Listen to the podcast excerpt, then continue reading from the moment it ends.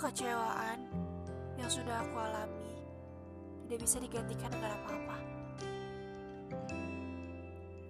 Aku hanya ingin kamu kembali. Bagiku kamu Aku hanya ingin kita seperti dulu lagi.